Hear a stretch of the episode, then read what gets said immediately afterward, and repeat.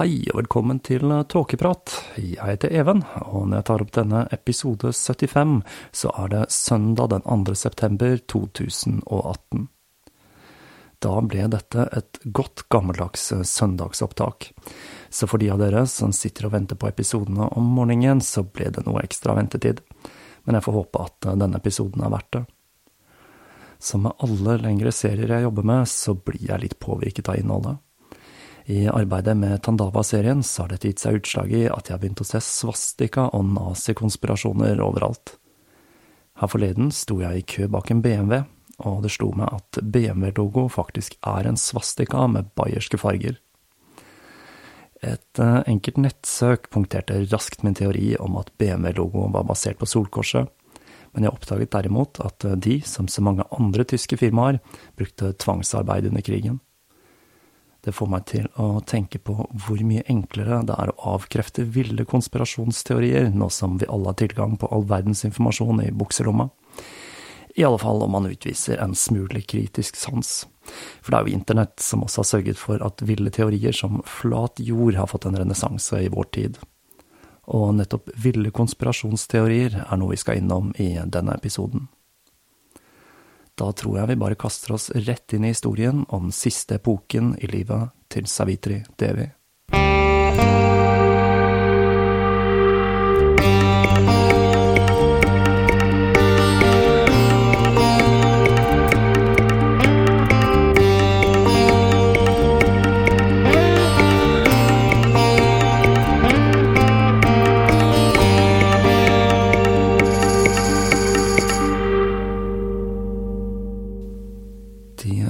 Nazistiske gruppene, som European Social Movement, som ble dannet i Malmö i 1951, var forsiktige med ord- og symbolbruken sin. Men dette skulle endre seg når en ny bølge med nynazisme oppsto i England. En svært viktig figur i dannelsen av disse bevegelsene var John Colin Campbell Jordan, som like etter krigen, hvor han da tjenestegjorde, startet å bygge et nettverk med de nazistene og antisemittene han kunne finne i England. En av disse var Arnold Lees, som hadde grunnlagt The Imperial Fascist League i 1929. Et lite politisk parti som var det mest protyske partiet i England på 30-tallet. Etter Lises død i 1956 lot hans enke Jordan disponere et lite hus i Notting Hill som han brukte som sitt politiske hovedkvarter. England rant ikke akkurat over av nazisympatisører etter krigen, og Colin Jordan sitt nettverk besto av en veldig liten gruppe med høyreekstremister. Men dette skulle snart endre seg. Etter krigen så var det et enormt behov for arbeidskraft. Dette førte til en massiv arbeidsinnvandring fra de vestindiske øyer samt India og Pakistan. De nye arbeiderne ble uglesett i de arbeiderklasseområdene de bosatte seg i, og det ble raskt et mål for nye høyreekstreme grupper.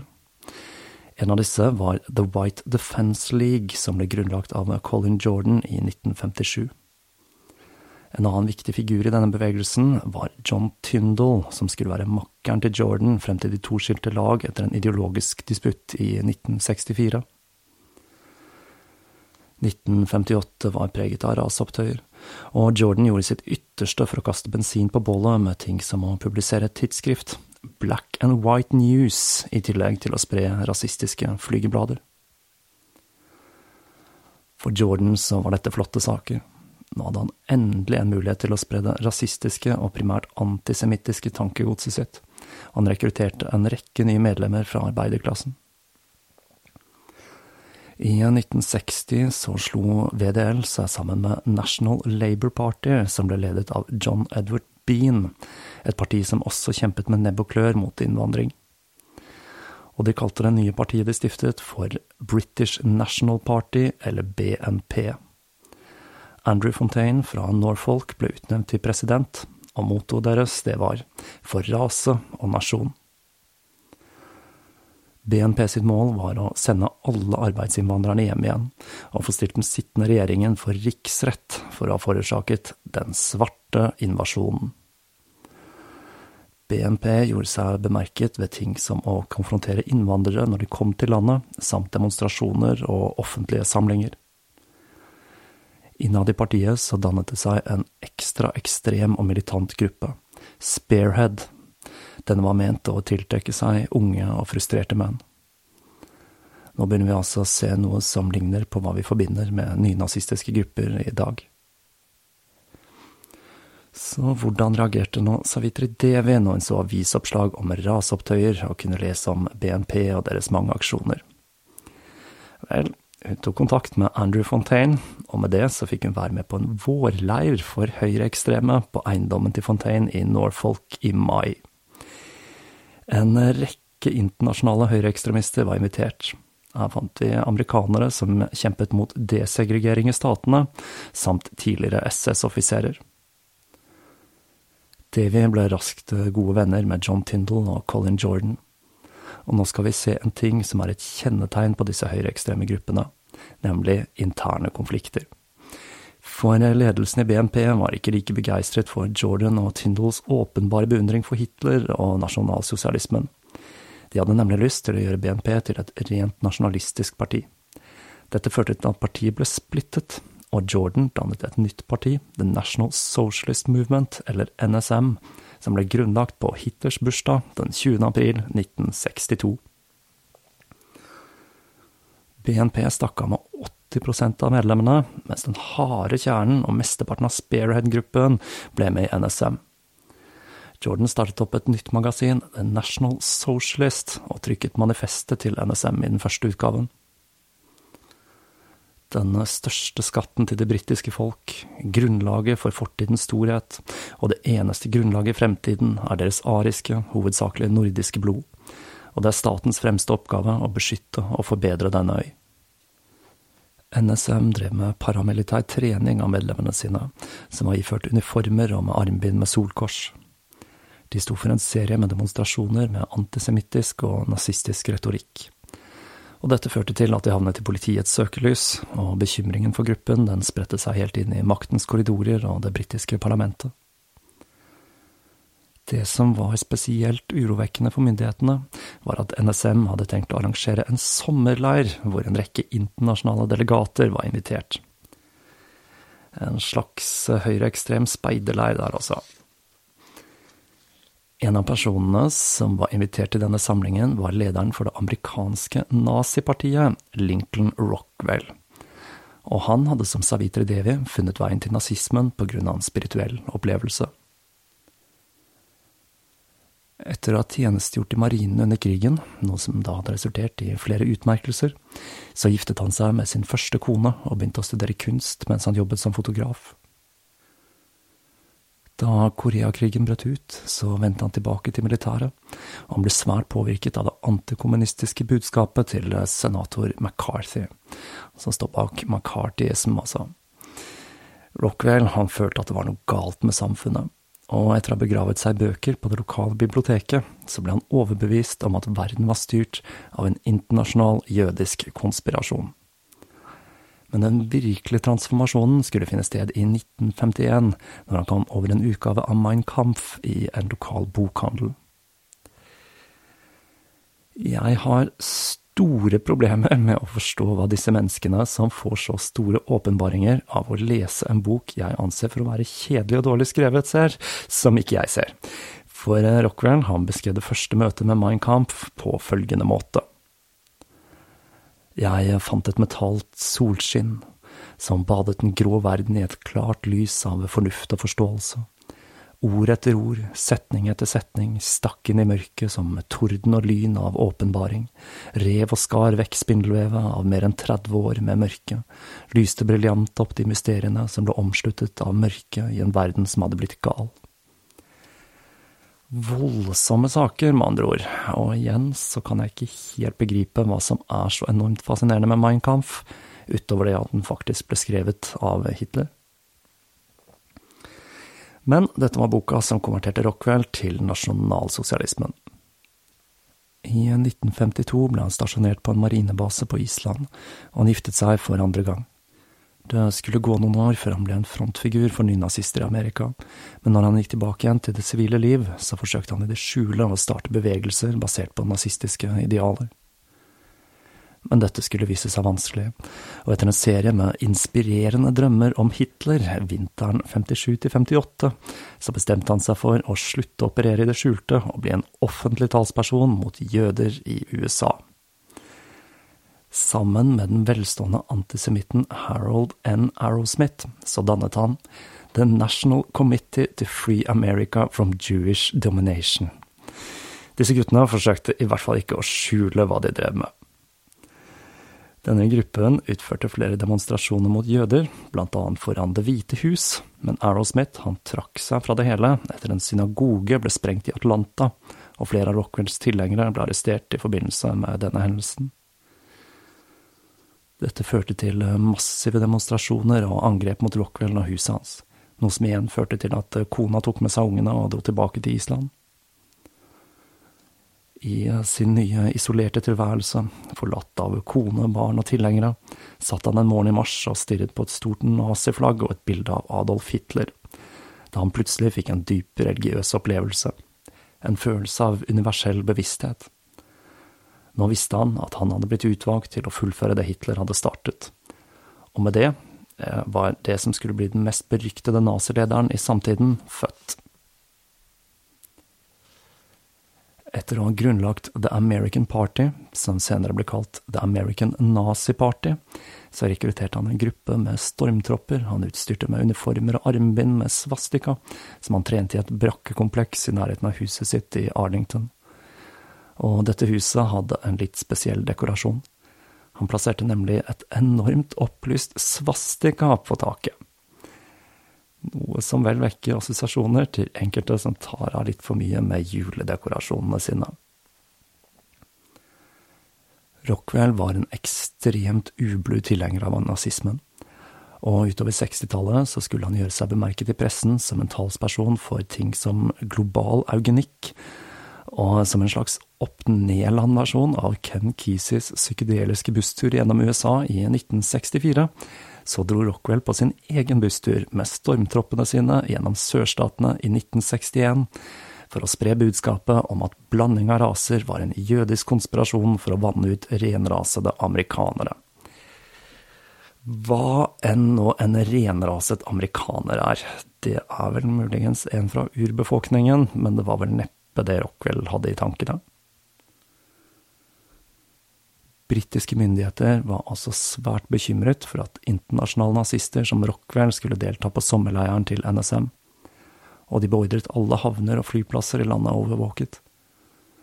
Men Jordan og Tyndall hadde tatt høyde for nettopp dette, og de hadde smuglet Rockwell til London før de erklærte at organisasjonen skulle holde denne samlingen.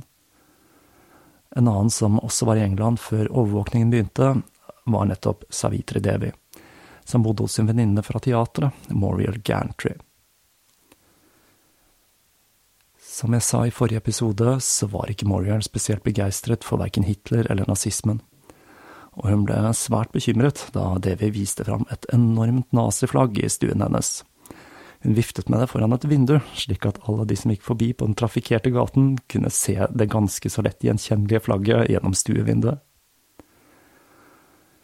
De to dro til Stonehenge, hvor da Devi velsignet flagget i navnet til de gamle ariske gudene.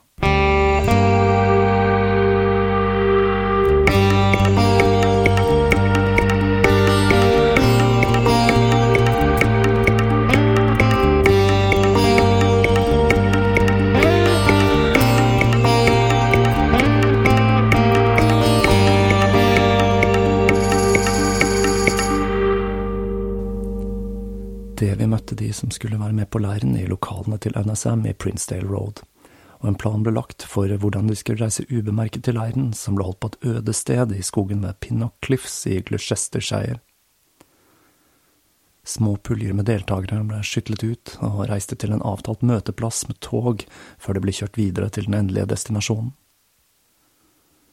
I den midlertidige teltleiren fikk Devi endelig heist det digre naziflagget sitt til topps på britisk jord og etter middag så feiret de den første dagen av samlingen med leirbål og glade nazisanger. Den neste dagen så kom Rockwell til leiren, hvor han holdt en glødende tale om den globale jødekonspirasjonen og om hvordan de nazistiske bevegelsene vokste seg sterkere fra dag til dag. Høydepunktet på samlingen det kom på søndagen. Dagen startet med at Jordan og Tyndall viste frem hva Spearhead hadde lært seg av taktiske manøvrer, mens Rockwell fulgte interessert med i en kikkert. Etter dette så grunnla de enda en ny nynazistisk internasjonal organisasjon, World Union of National Socialists, eller WUNS. Og uten å ta livet av dere med formålsparagrafen til denne organisasjonen, hvor Jordan ble utnevnt til ikke noe mindre enn verdensfører, og Rockwell som hans nestleder, så holder det vel å si at målsetningen var ting som å fremme den ariske rase, slåss mot kommunismen, kjempe for global apartheid og kampen mot jødene. Det var egentlig meningen at denne leiren skulle holde det gående hele uka men eh, de lystige nazisangene, Sieg Heil og Heil Hitler-rop, kombinert med paramilitære tropper og naziflagg, hadde merkelig nok vekket nysgjerrigheten til lokalbefolkningen, og sammen med pressen så sørget dette for at leiren ble avsluttet etter en serie med sammenstøt. Rockwell han ble deportert til Statene, og lokalene til NSM ble raidet, og store mengder med dokumenter, våpen og nazieffekter ble beslaglagt. Enden på visa var at Jordan fikk ni måneder i fengsel og Tyndall seks, for oppbevaring av våpen og materialer til å lage bomber. Det var jo selvsagt skjerpende at de to ledet en nazistisk gruppe som kopierte hva SA hadde gjort i perioden i Tyskland før krigen. Så lederskapet for VUNS, det gikk til Rockwell. Organisasjonen kunne erklære at de hadde aktive celler i Frankrike, Tyskland, Storbritannia, Belgia, Sveits, USA, Australia, Argentina og Chile. For Savitri Devi så fikk også denne sommerleiren en konsekvens. Hun fikk nemlig et stempel i passet av Secret Service når de undersøkte det, og det var kun senere hun oppdaget at hun hadde fått et midlertidig innreiseforbud til Storbritannia. Gjennom VUNS skulle hun få en rekke nye kontakter, og ikke minst enda bredere innflytelse. En artig artig figur hun skulle bli kjent med, var Francois Dior. Og ja, hun var niesen til den ikke helt ukjente Christian Dior, og hun hadde tette bånd til den franske adelen. Selv om Francois hadde vokst opp under den tyske okkupasjonen i Frankrike, så hadde hun blitt en svoren tilhenger av nazismen og de ariske idealene. Hennes beste barndomsminne var når en SS-offiser hadde sagt til henne at hun var en vakker arisk pike. Som Devi så foraktet hun de franske idealene om likhet, frihet og brorskap, og hun mente at dette kun var et skalkeskjul for å degenerere det franske samfunnet. Da hun hørte om NSM og de ulike aksjonene de hadde i England, så dro hun til London, hvor hun møtte Colin Jordan, som introduserte henne for Savitri Devi. Hun var en svært viktig økonomisk støttespiller for gruppen, og hun var også romantisk involvert, først med Tyndall, før hun da giftet seg med Colin Jordan den 6. oktober 1963. I en seremoni med et bord med naziflagg og stearinlys, hvor de to sverget en ed om sitt ariske opphav før de skar hverandre fingeren med en dolk og lot blodet dryppe ned på en åpen side av Mein Kampf. Og så ble det enda mer konflikt, slik som det ofte blir i disse gruppene. John Tyndall han ville at NSM skulle ta en mer britisk nasjonalistisk retning og bevege seg vekk fra den rene nazi-ideologien og Hitler-dyrkelsen. Når Francois gikk fra Jordan kun tre måneder etter den superromantiske bryllupsseremonien, så vant han henne tilbake ved å vise styrke ved å tviholde på den gamle nazi-ideologien til NSM. Dette førte til at Tyndall brøt med gruppen, og startet sin egen nasjonalistiske gruppe, Greater Britain Movement, i august 1964.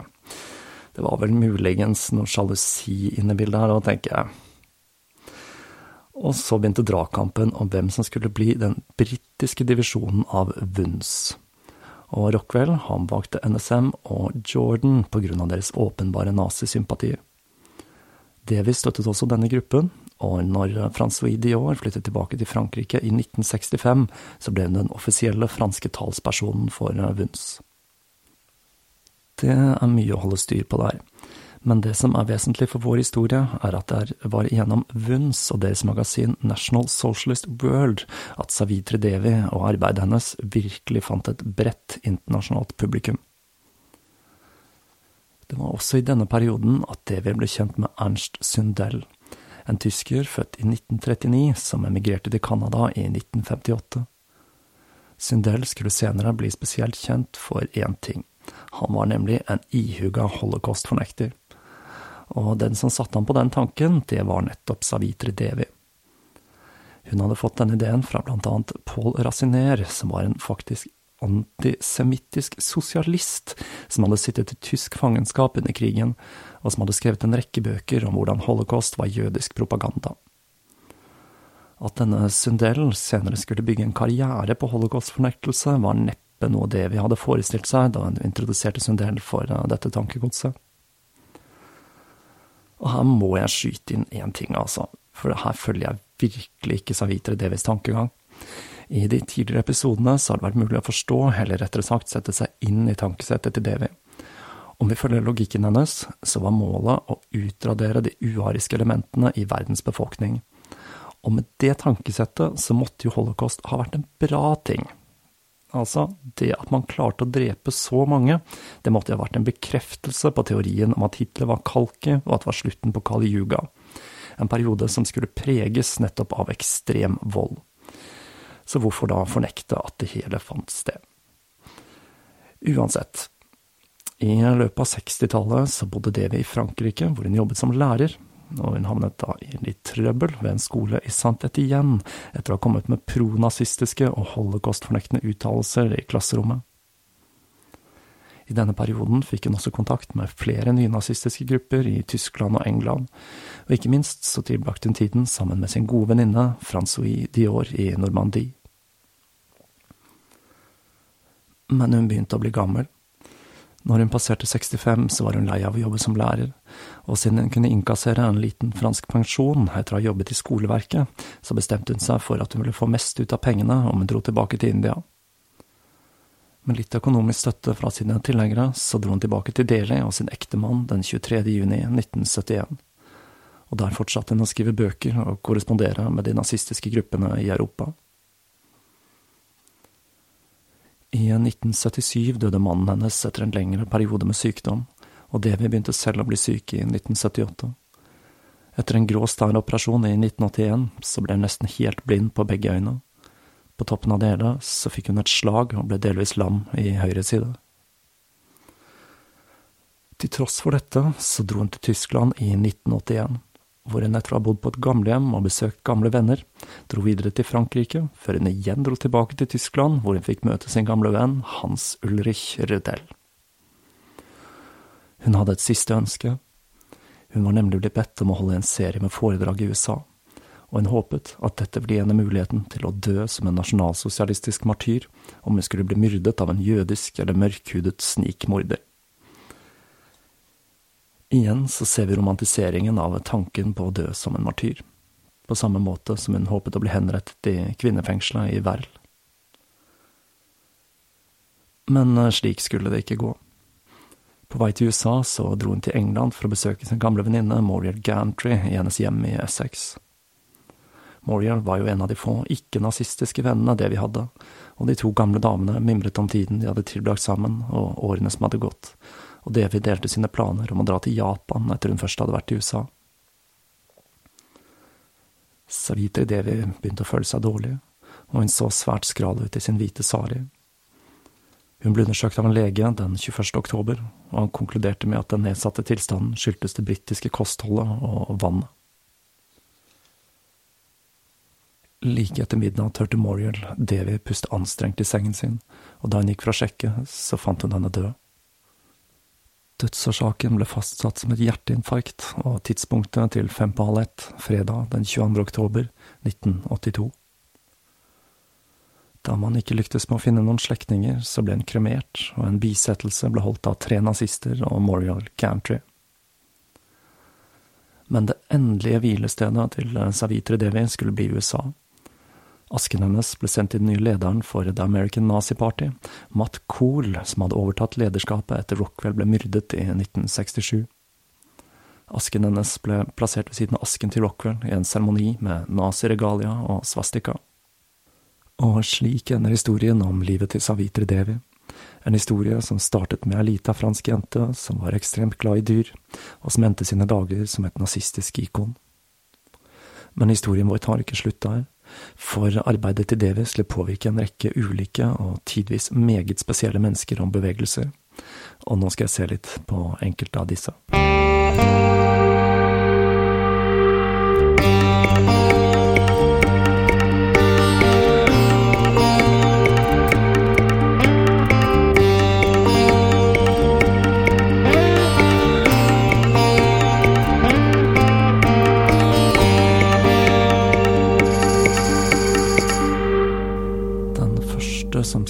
Omfavne Devi og dra henne inn i et nazistisk New Age-aktig verdensbilde, var Ernst Sundell. Han startet sitt eget nynazistiske forlag Samsidat, og dette forlaget det publiserte bøkene til Devi samt en rekke bøker om litt mer esoteriske teorier. Og her dukker ufoene opp, med bøker som Ubekantes flygobjekt og Leste Geheimwaffe des Dritten Reich. Disse bøkene var basert på hul jord-teorien. Ideen om at nazistene på sine mange ekspedisjoner til Himalaya og Tibet hadde oppdaget en rekke hemmeligheter, som hadde ført til at utenomjordiske vesener hadde hjulpet tyskerne med å bygge flygende tallerkener, som prominente nazister, inkludert Hitler, hadde brukt til å flykte via Antarktis til hemmelige baser inni jorda, hvor de skulle komme flyvende ut for å innføre en ny verdensalder når tiden var inne. Sundell bidro også selv til denne mytologien med egne bøker, hvor han spekulerte i om nazistene hadde funnet en hemmelig passasje fra Arktis til Antarktis. Han planla til og med å chartre et fly for å utføre sin egen ekspedisjon, for da å lete etter hemmelige nazi-ufo-baser og mulige innganger til den hule jord. Hul jord er en teori som har havnet litt i bakevja med den økende populariteten til flat jord i de senere år. Men det som er fantastisk, er at det finnes mennesker som kombinerer disse to teoriene. Altså en hul, flat jord. Men det får bli et tema for en annen episode. Sundell skulle også publisere Savitri Devis Lynet og solen, og han gjorde en ting til som er svært viktig i historien hennes. I november 1978 så fikk han en av agentene sine til å gjennomføre et svært langt intervju med Devi i Delhi som han ga ut på fem totimers kassetter gjennom forlaget Samsidat. Davies litteratur påvirket også en rekke andre ekstremister, som amerikaneren James N. Mason, som var en fanatisk og voldelig nazist. I 1982 så dannet han bevegelsen The Universal Order, som er en økologisk nazistisk bevegelse basert på Charles Manson, og hvor Manson ble utnevnt til gruppens spirituelle leder. Enda en figur som ble påvirket av Devi, var den franske Christian Bouquet, som besøkte Devi i den siste perioden hun tilbrakte i Delhi. Bouquet grunnla en nasjonalistisk bevegelse i 1991, Nouvelle Resistance, og i tillegg til å være en glødende forkjemper for Den tredje vei, altså nasjonalsosialisme framfor sosialisme eller kapitalisme, så publiserer han da sitt eget esoteriske tidsskrift Telema, etter Crowley der altså, og han er dypt inspirert av vestlige magiske tradisjoner. Miguel Serrano er enda en av disse okkulte nazistene, og han var på samme måte som Devi et viktig bindeledd mellom nynazisme og New Age-bevegelsen. Serrano ble et medlem av det chilenske nazipartiet i 1939, og han var ambassadør for Chile i India, Jugoslavia og Østerrike. Han var en personlig venn av både Herman Hesse og Carl Gustav Jung. Etter han fikk sparken av det nye marxistiske styret i Chile i 1971, så startet han sin egen form for esoterisk hitlerisme, han redegjør for i boka El Cordo Dorado, Hitlerissimo Esoterico fra 1978. Dette var den første i en triologi som beskrev hans mystiske doktrine, som kombinerte en rekke gnostiske, tantriske og yogiske elementer. På samme måte som Davies mente han at Hitler var en avatar han hyllet Devi som pioneren til desuterisk hitlerisme. Ifølge Serrano så hadde Hitler flyktet fra Berlin ved hjelp av en flygende tallerken, og han hadde levd i skjul i den hule jord under Antarktis før han dro videre til Venus, planeten altså, og derfra til Den svarte sol, som skulle være det utenomjordiske opprinnelsesstedet til arierne. Nå var det altså slutt på Tule eller fjellene i Asia, arierne var rett og slett utenomjordiske vesener. Serrano skulle inspirere flere grupper, som The Black Order, som er en undergrunns nynazistisk gruppe som kombinerer hitlerisme og satanisme. The Black Order var heller ikke den eneste sataniske gruppen som ble inspirert av Davies antihumanistiske teologi. Vi finner en gruppe på New Zealand, uh, Ordo Sinstra Vivendi, som i 1994 publiserte en forkortet utgave av Lynet og solen. Og ikke minst så finner vi en gruppe som er svært spennende, nemlig Order of the Nine Angles, eller ONA. Dette er en britiskbasert, ekstremt obskur satanisk bevegelse.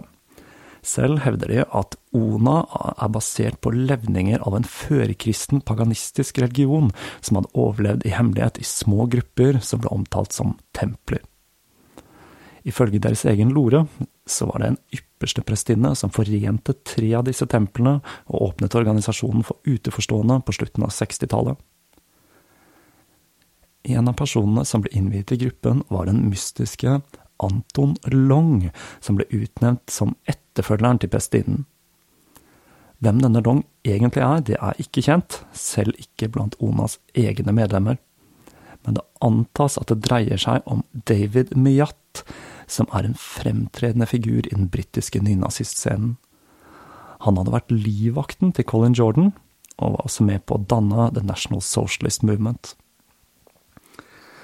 Ona forfekter en blanding av satanisme, paganisme, hermetisk okkultisme blandet med en dose nynazisme.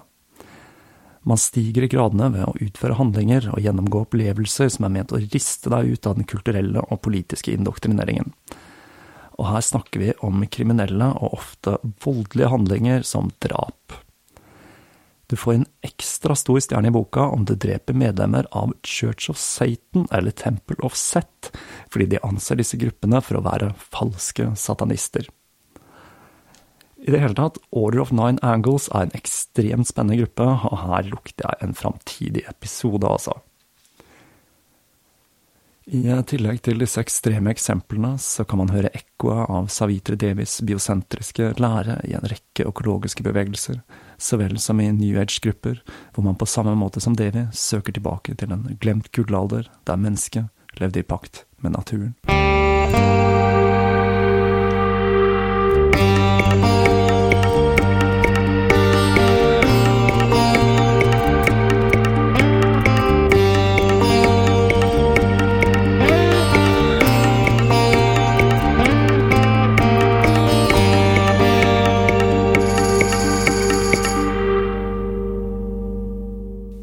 Der forlater vi Savitre Devi.